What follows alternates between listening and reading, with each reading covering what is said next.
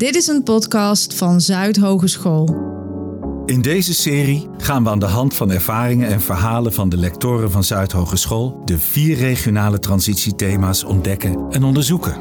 De gezonde samenleving, het toekomstbestendig bedrijfsleven, waardevolle wijken en circulair produceren.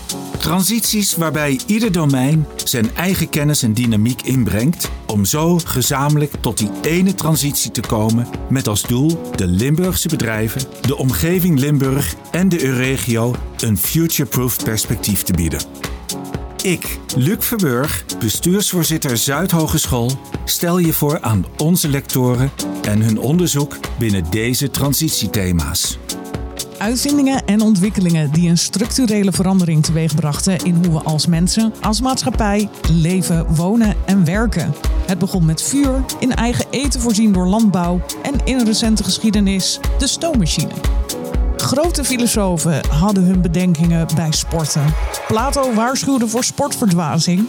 Door de eeuwen heen zijn de grote denkers, de creatieven, wellicht niet zo van de balsport geweest. Maar dat je goed voelen helpt bij het creatieve denkproces. Doe wat goed voelt kan een valkuil zijn. Want de beloning op korte termijn is wel zo lekker. Alleen, wat doet al die pizza op lange termijn? Bij het lectoraat Voeding, Leefstijl en Bewegen kijken ze naar meer dan alleen voedselinname of hoeveel kilometer je kan rennen. Voor lector Susie Brown is een gezonde levensstijl een verrijking voor iedereen in je leven. Maak niet alleen de zorg preventief sterker, maar kijk ook vooral naar je directe omgeving. Martijn Zoet van het lectoraat Futureproof Financial gaat met haar in gesprek. Ik, ik zit hier met een vrouw tegenover me die ik heb leren kennen. Echt fantastisch voor iedereen. Die zei je mag elke dag aardappels eten. Als ze maar de ene dag de frituur ingaan. De andere dag de airfryer ingaan. En zeg maar allemaal van dat soort constructies. Suzy, zou je jezelf nog willen voorstellen? En meteen misschien ook dat beeld misschien iets willen nuanceren. Uh, Suzy Brown, uh, lector voeding, leefstijl en bewegen bij Zuidhogeschool. En ja, jouw vraag, mijn god. Uh, nee, mag eerst rustig jezelf voorstellen. Stel jezelf eerst voor. Wat deed ik hiervoor? Nou, eigenlijk via heel veel omwegen. Ik zelf ben uh, in uh, Amerika geboren, Duitse ouders. in Duitsland gestudeerd, Nederlands gestudeerd. In promotietraject gedaan met promotor in Engeland. En altijd op het gebied van bewegen, um, het lichamelijk welbevinden. op het gebied van fysiotherapie, bewegingswetenschappen. Ja, eigenlijk een fascinatie gehad voor het menselijk lichaam. Dat is eigenlijk wel uh, van begin af aan het geval geweest. Uh, zelf ook een heel bewegelijk kind geweest. Ik denk dat dat ook te maken heeft met de tijd waarin ik opgegroeid ben. Zeg maar 45 jaar, 40 jaar geleden was er heel weinig afleiding. Uh, als het gaat om kinder-tv-programma's of als het gaat om uh, uh, social media. ik bedoel, ik heb mijn scripties nog op een elektrische typemachine getypt. Dus, heel lang geleden. Dat is heel lang geleden allemaal. Ik zou het niet zeggen als je me ziet, maar het is wel allemaal heel lang geleden. En dat betekent dat ik eigenlijk als kind ook altijd buiten was met uh, rolschaatsen, knikkeren, hinkelen. Um. En is daar ook de fascinatie van voor het menselijk lichaam begonnen? Of? Ja, ik kan me herinneren dat mijn vader uh, een keertje, dat is een zakenman, die kwam vaak in Amerika en die heeft in de jaren tachtig een, een, een, trampoline meegebracht uh, uit, uit Amerika. En die stond bij ons in de tuin en dat is in een tijd geweest dat er eigenlijk, ja, nu zie je overal trampolines, maar dat was zo'n groot grote wedstrijdtrampoline.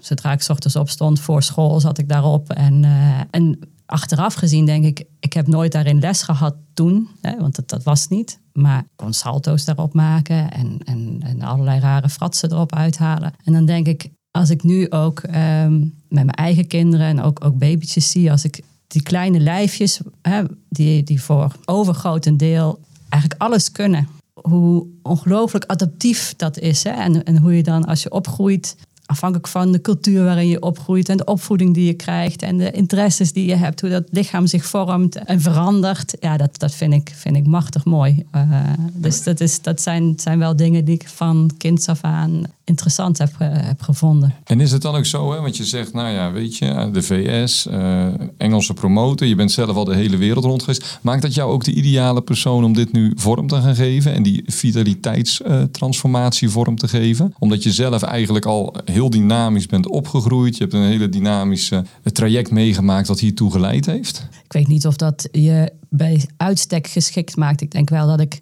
daardoor veel heb zelf ervaren of meegemaakt welke variabelen allemaal een rol spelen als het gaat om leefstijlkeuzes of om uh, hoe je in de wedstrijd zit, hoe je je leven wilt invullen, welke aspecten belangrijk zijn voor jou. Um, ik vind wat dat betreft leefstijl, en veel mensen denken bij leefstijl veel aan, uh, moet sportief zijn en, en, en afvallen en, en slank en stoer misschien ook nog wel een beetje weerkrachtig. Klopt voor een deel, maar eigenlijk is het iets heel filosofisch. Eigenlijk is het gewoon hoe jij graag wilt leven en welke dingen voor jou belangrijk zijn. Dat is denk ik ook iets waar veel mensen niet zo heel erg over nadenken. Soms ook niet kunnen over nadenken, omdat er te veel problemen zijn, het leven te veel tegen zit. Maar op het moment dat je de tijd neemt om te reflecteren, en ik denk dat coronatijd nu zeker een, een periode is geweest waarin veel mensen hebben nagedacht over wat echt belangrijk is, dan is het nog zaak om dan ook de goede keuzes te maken, om dat dan ook op te volgen. En dat is ook nog een hele uitdaging. Weten is nog geen doen.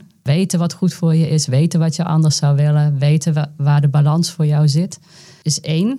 Dus een stukje awareness, een stukje bewustwording. Vervolgens handelen, dat is moeilijk. Zeker als het gaat om volhouden en uh, ja, en als je dan zegt van aan de ene kant is het iets heel filosofisch. En dan word je toch lector bij Zuidhogeschool van je lectoraat. En daar, uh, nou, daar speelt filosofie natuurlijk wel een rol. Maar daar willen ze vooral heel praktisch. En voor mij even de vraag, kun je in twee, drie zinnen uitleggen... wat, wat is de naam van je lectoraat? Wat doet je lectoraat? En dan gaan we daarna eens even kijken van hoe ga je dan van dat filosofisch naar het hele praktische. Ja. Het lectoraat heet Voeding, Leefstijl en Bewegen. Het is voortgekomen uit een uh, programmalijn van het Expertisecentrum voor Innovatieve Zorg en Technologie. Dat was uh, het stimuleren van een gezonde actieve leefstijl. Het lectoraat uh, houdt zich met name bezig met het ontwikkelen van gepersonaliseerde interventies. Dus het doen wij zijn vooral geïnteresseerd in het maken van programma's die mensen helpen om een gedragsverandering uh, door te voeren. Dat kan op het gebied van voeding of bewegen, maar ook in de mindset zijn. Bijvoorbeeld van hoe je tegen dingen aankijkt. Zou ik daar heel even mogen inbreken? Zou je dat ook heel concreet kunnen maken? Wat, wat is nou zo'n interventie en wat betekent dat nou op persoonlijk niveau? Nou, een voorbeeld van een interventie die we gedaan hebben afgelopen 15 jaar eigenlijk al mee bezig zijn. Dat gaat over um, hoe je het beste iemand na een hersenletsel weer opnieuw zou kunnen leren bewegen zodat, hij, dat je een gedragsverandering krijgt die duurzaam is, zodat op het moment dat hij weer naar huis gaat, hij ook een actieve leefstijl blijft houden. Of in de oncologische nazorg, eh, mensen die kanker hebben gehad, die hun leefstijl willen aanpassen. Voor een deel kun je mogelijk met je, met je leefstijl bepaalde vormen van kanker ook uh, de kans daarop verminderen. Uh, nou, dan wil je dat op een manier doen die bij die persoon past, die vol te houden is. En daar, daar maken wij programma's voor. Dus dat zijn zeg maar de, de inhoudelijke programma's. Nee, dat is goed. Dus je zegt van oké, weet je, ondanks filosofisch, we kunnen het heel concreet maken. Ja. En dan eigenlijk, mijn volgende vraag is, als je nou zegt van oké, we hebben die programma's en je zegt levensveranderingen uh, of veranderingen van uh, gedrag is ontzettend lastig. Ja. Hoe ga je die programma's dan inrichten? Kun je daar een voorbeeld van geven? Van hoe werkt zo'n programma? Ja, zo'n programma is dan een combinatie van um, een stukje coaching, één op één coaching. Uh, waarbij mensen zelf doelen stellen, die ook vol te houden zijn, kleine stapjes.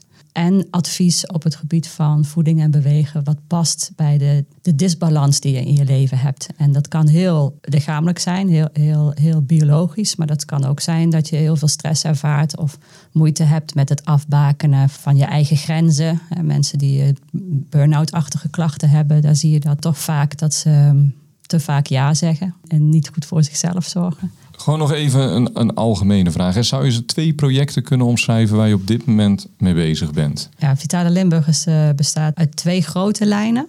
Eentje gaat over die, die subtyperingen, dus dat, dat voorsorteren uh, in groepen om gepersonaliseerde leefstijlinterventies of andere therapeutische interventies te kunnen geven. Een andere lijn die gaat wat meer naar de wijk. Dus daar uh, komen we ook, hè, de Vitale Limburgers past het beste bij het regionale transitie- en innovatiethema rondom de gezonde samenleving. Maar ik maak ook uitstapjes naar de uh, waardevolle wijken. Uh, samen met uh, co-lector Nouran Abouzidi. En daar kijken we ook van hoe kunnen we nou welzijn ook in openbare ruimte bevorderen. En een project wat we op dit moment daar doen is uh, met een lagere school. Wat heel bijzonder is aan die school is dat ze eigenaar zijn van de grond en niet de gemeente. Dus dan kunnen ze zelf daar bepalen wat ze op die grond doen. Daar hebben ze een tiny forest en een moestuin. En die zijn dus nu de kinderen eigenlijk natuurgebaseerd leren aan het bijbrengen. Waarbij ze dus uh, aan de leerdoelstellingen van de school voldoen, maar buiten in de natuur. En daarbij uh, hebben ze de hulp van de buurtbewoners. Die hebben een buurtbewonerplatform en een buurtkamer. Die betrekken ze daar ook bij omdat ja, als er een zomervakantie is of uh, eh, s'avonds moet iets in de tuinen gedaan worden, die moeten natuurlijk onderhouden blijven, dan, dan springt eigenlijk de buurt in. En uh, dat is heel mooi, want een van de buurtbewoners is kruidendeskundige en een ander uh, heeft een, een buurtmoestuin. En dan zie je dat dus rondom die school een, een community ontstaat, een, een heel ecosysteem. Ja, waarin de, de term letterlijk, it takes a village to raise a child, ja, ook echt plaatsvindt. Het is, is fantastisch om te zien hoe die uh, kinderen leren gezond, uh, wat gezonde voeding is, waar dingen vandaan komen. Ik moest echt lachen toen onze zoon nog heel klein was. Toen vroeg hij waar eigenlijk een bloemkool uit bestond. En toen zei ik van, nou, vraag dat maar eens hier aan, aan, waren in de supermarkt, vraag dat maar eens aan een van de mensen hier. En, en die wisten eigenlijk niet echt het is, interessant dus om te zien dat kinderen dat wel leuk vinden om te weten. te zien groeien en hoe dat smaakt. En, uh, gekoppeld daaraan hebben we namelijk ook een zomerschool uh, met Jean-Philippe Brieux, die doet dat. En dan zijn kinderen bij zeggen, ik heb dit nog nooit gegeten. Ik heb geen idee wat dit is en wat zijn dit voor kruiden. En, en dat is natuurlijk heel mooi om te zien dat die kinderen van nature super interessant vinden. En ook daardoor, nou ja, wel dat in het begin over dat grenzen verleggen, verschillende dingen zien. Maar dit is ook grenzen verleggen. Dit is ook kennis maken met dingen die je niet kent, die je verrijken. Ja, dat zijn hele mooie projecten, vind ik, die, die van meerdere kanten dus een stukje vitaliteit, welzijn bevorderen. Waarbij het niet alleen gaat om het gedrag van het individu, maar ook om leren en ook om communityvorming en ook hoe zo'n wijk daar baat bij heeft. Hè als totaliteit. Als totaliteit. En je bent natuurlijk lector, dus de hogeschool zit erachter. Waarom is dit belangrijk voor de hogeschool? En een vervolgvraag erop is, hoe nemen jullie studenten hierin mee? Uh, nou ja, wat voor, voor de hogeschool van belang is, is de, is de kenniscirculatie die we opdoen. Hè. Dus wat betekent dat? We, we leren enorm veel van onze onderzoeken die we doen. Uh, we leren ook enorm veel ervan als het niet lukt. Maar als het wel lukt, of als er goede resultaten uitkomen die van belang zijn voor onze studenten, dan wordt dat mee opgenomen in het, in het curriculum. Dus we zorgen ervoor dat we via lezingen, via workshops, via taken, de kennis die we opdoen weer terug laten vloeien naar het, naar het, naar het onderwijs. Ja, en dat is een heel formeel antwoord. Ja. Dus dat is een antwoord waarvan ik denk, ja, dat, dat klinkt goed in de pitch voor het lectoraat bij eh, de CMR en andere dingen. Uh waarom is dit belangrijk? Waarom, vinden, waarom moeten studenten dit doen? Gezamenlijke opleidingen gezondheidszorg, dus de gezamenlijke opleidingen fysiotherapie, kraamverzorging, et cetera. Het hele palet wat gezondheidszorg heeft. Wat is hier belangrijk? Nou, het is voor, voor hen allemaal van belang, uh, voor alle opleidingen. Het enige probleem waar we op dit moment tegenaan lopen is dat je pas in de gezondheidszorg terechtkomt als je een probleem hebt. Of zwanger bent uiteraard. En we zien dat uh, willen we echt die fleshals, hè, willen we die voorkomen, dan zullen we toch meer aandacht moeten besteden in de opleidingen aan preventie. Maar jij noemt het, het woord flessenhals. En er zijn nu misschien een hele hoop mensen die denken, wat, wat betekent die flessenhals? Wat is die flessenhals? Nou ja, dat is net zoals bij, uh, bij de snelweg. Als je op een gegeven moment moet invoegen omdat uh, een, een, een, rijbaan wordt afgesloten. ja, dan moet alles bij elkaar komen en dan vertraagt de boel. En daar zie je dus nu ook dat de grote problemen ontstaan. Hè. Ik wil even los van corona, zie je ook dat de nazorg nu van al die reguliere zorg, die we normaal gesproken ook doen, die komt nu nog meer onder druk te staan. Dus we moeten echt zien te voorkomen dat we van drie naar twee naar één rijbaan gaan. Maar dat we eigenlijk de rijbanen weer openen op de snelweg. Zodat we vooral uit die ziekenhuizen blijven. En, uh, en als dat kan met leefstijl. En dat kan voor een groot aantal van onze, van onze welvaartsziekten. Die zijn echt te beïnvloeden met een andere manier van leven. En op dit moment is dat nog niet in, uh, in, in zeg maar de profielen. We noemen dat competentieprofielen van de opleidingen. Dus die, die worden aangepast. Ik weet voor de fysiotherapie wordt daar nu ook echt een, een slag gemaakt in het landelijk overleg dat in alle fysiotherapieopleidingen ook, ook meer leefstijl aan bod moet komen en gedragsverandering. Maar zover zijn, zijn we nog niet. Dus het komt steeds meer en in steeds meer opleidingen, basisopleidingen. En ik denk dat we daar als stip aan de horizon ook naartoe moeten. En willen we zorgen dat de gezondheidszorg overeind blijft en ook toegankelijk blijft voor mensen die dat dan acuut nodig hebben, dan zullen we toch moeten zorgen dat er een stukje ruimte ontstaat, doordat mensen meer nog voor zichzelf gaan zorgen.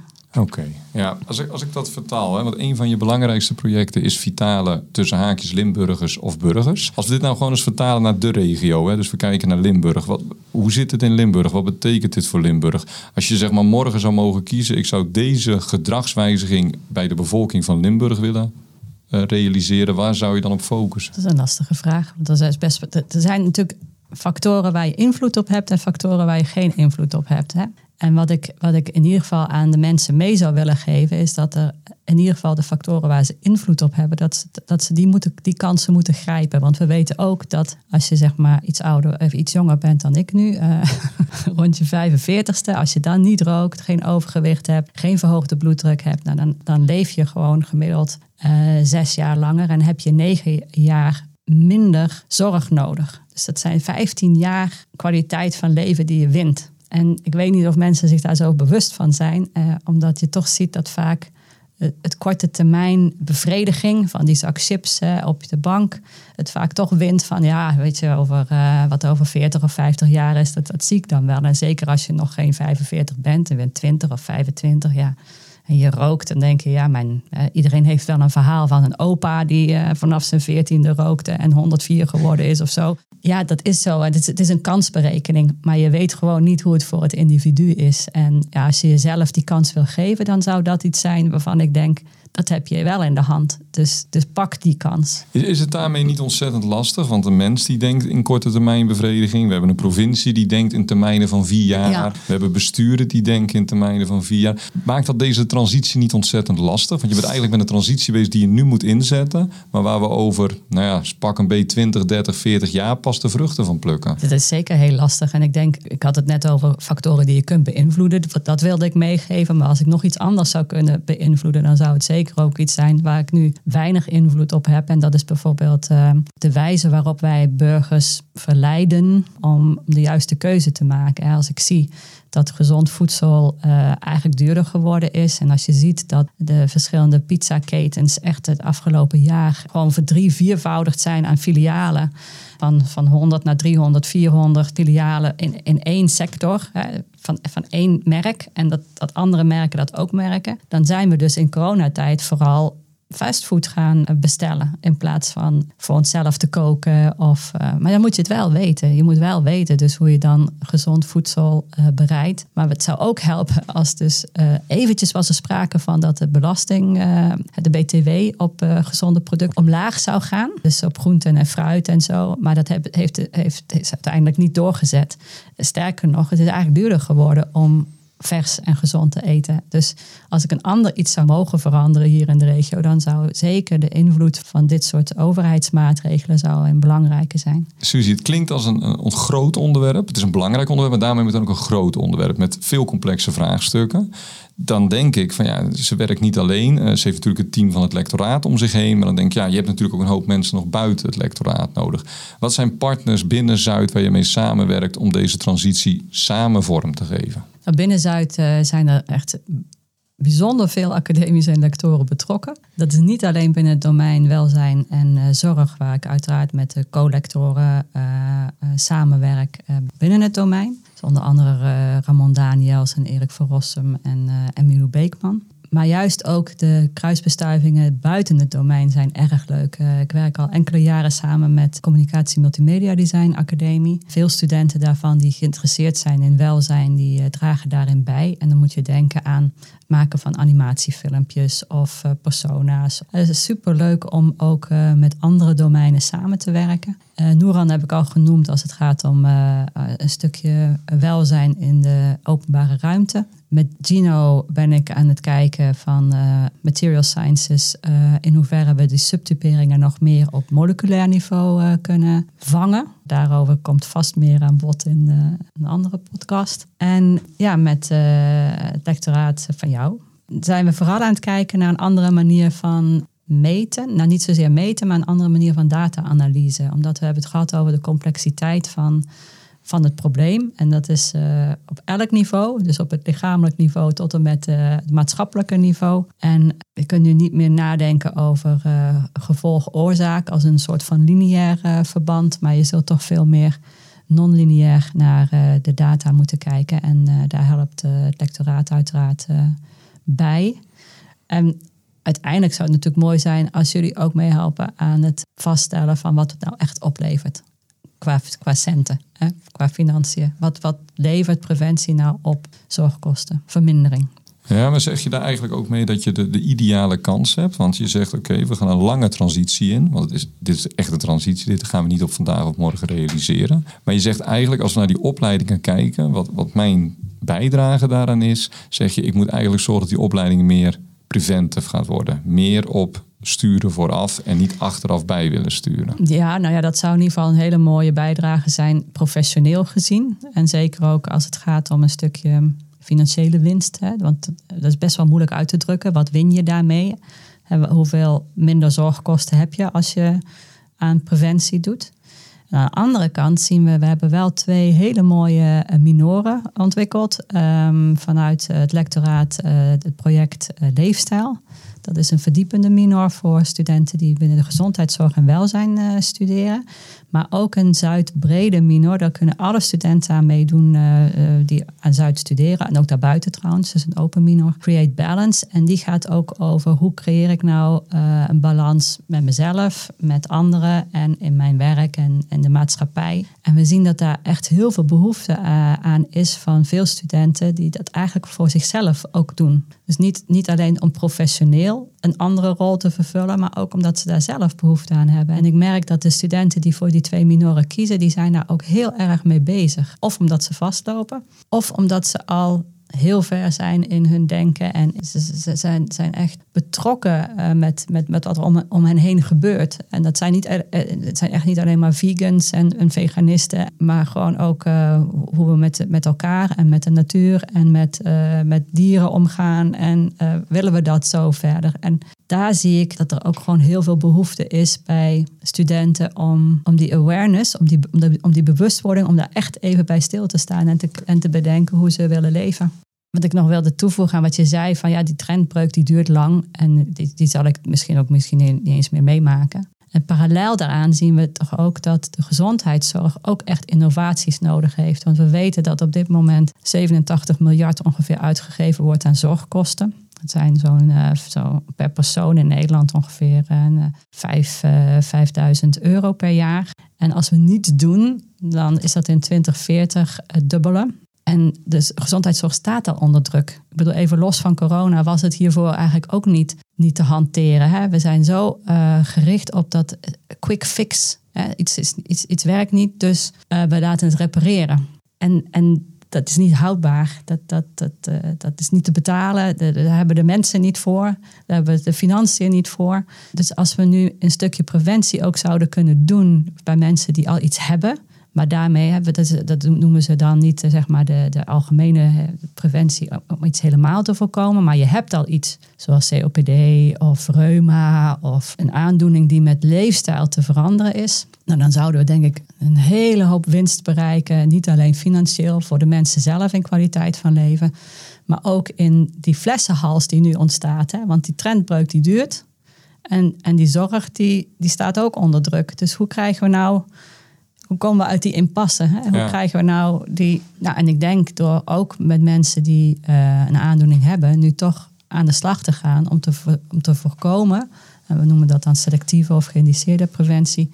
Om te voorkomen dat daar nog meer zorgkosten achteraan komen. Ik zie een hele bevlogen uh, dame voor me zitten, die een transitie begonnen is waarvan ze zelf niet eens weet of ze zeg maar het einde van die transitie gaat zien. Wat ik, wat ik ontzettend mooi vind. Hè? Want ik bedoel, je bent dan iets begonnen te bouwen. Kathedralen bouwen noemden ze dat vroeger. Je gaat dan iets beginnen, maar je zal nooit het eindproduct zien. En toch heb je ervoor gekozen om dit te doen. En uh, Zuid steunt je daarin. En ik laat we zeggen, de provincie en alles gaat daar dan ook in mee. En wat uiteindelijk we dan voor gaan zorgen, is dat we uiteindelijk eindelijk zeggen van... hey, weet je, Suzy is die transitie begonnen... en die kathedraal die staat er over 40 jaar. Maar over 40 jaar zorgen we er ook voor dat we van een zorgindustrie... die op dit moment ongeveer 100 miljard waard is... teruggaan naar een zorgindustrie die, laten we zeggen, 50 miljard waard is... omdat we de rest in de preventie hebben zitten. Is dat het doel? Dat is zeker het doel, als we dat, als we dat halen.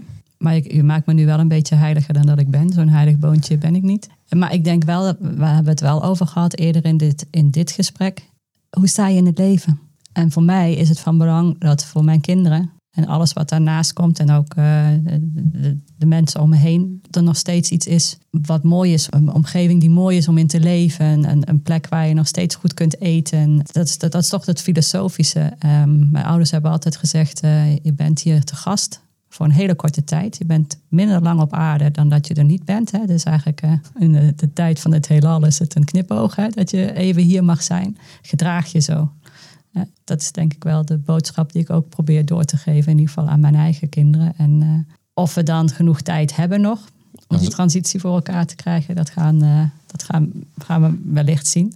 Ja, dan, dan zijn we filosofisch begonnen, hebben we het daarna heel praktisch gemaakt. En dan eindigen we toch weer heel filosofisch door eigenlijk gewoon weer te zeggen van hey, kies hoe je wilt leven. En op basis daarvan zorg dat je voor jezelf de optimale vitaliteit inricht. Zodat je, zolang jij hebt, mee kan gaan en daarna die vitaliteit kan overgeven aan de volgende generatie.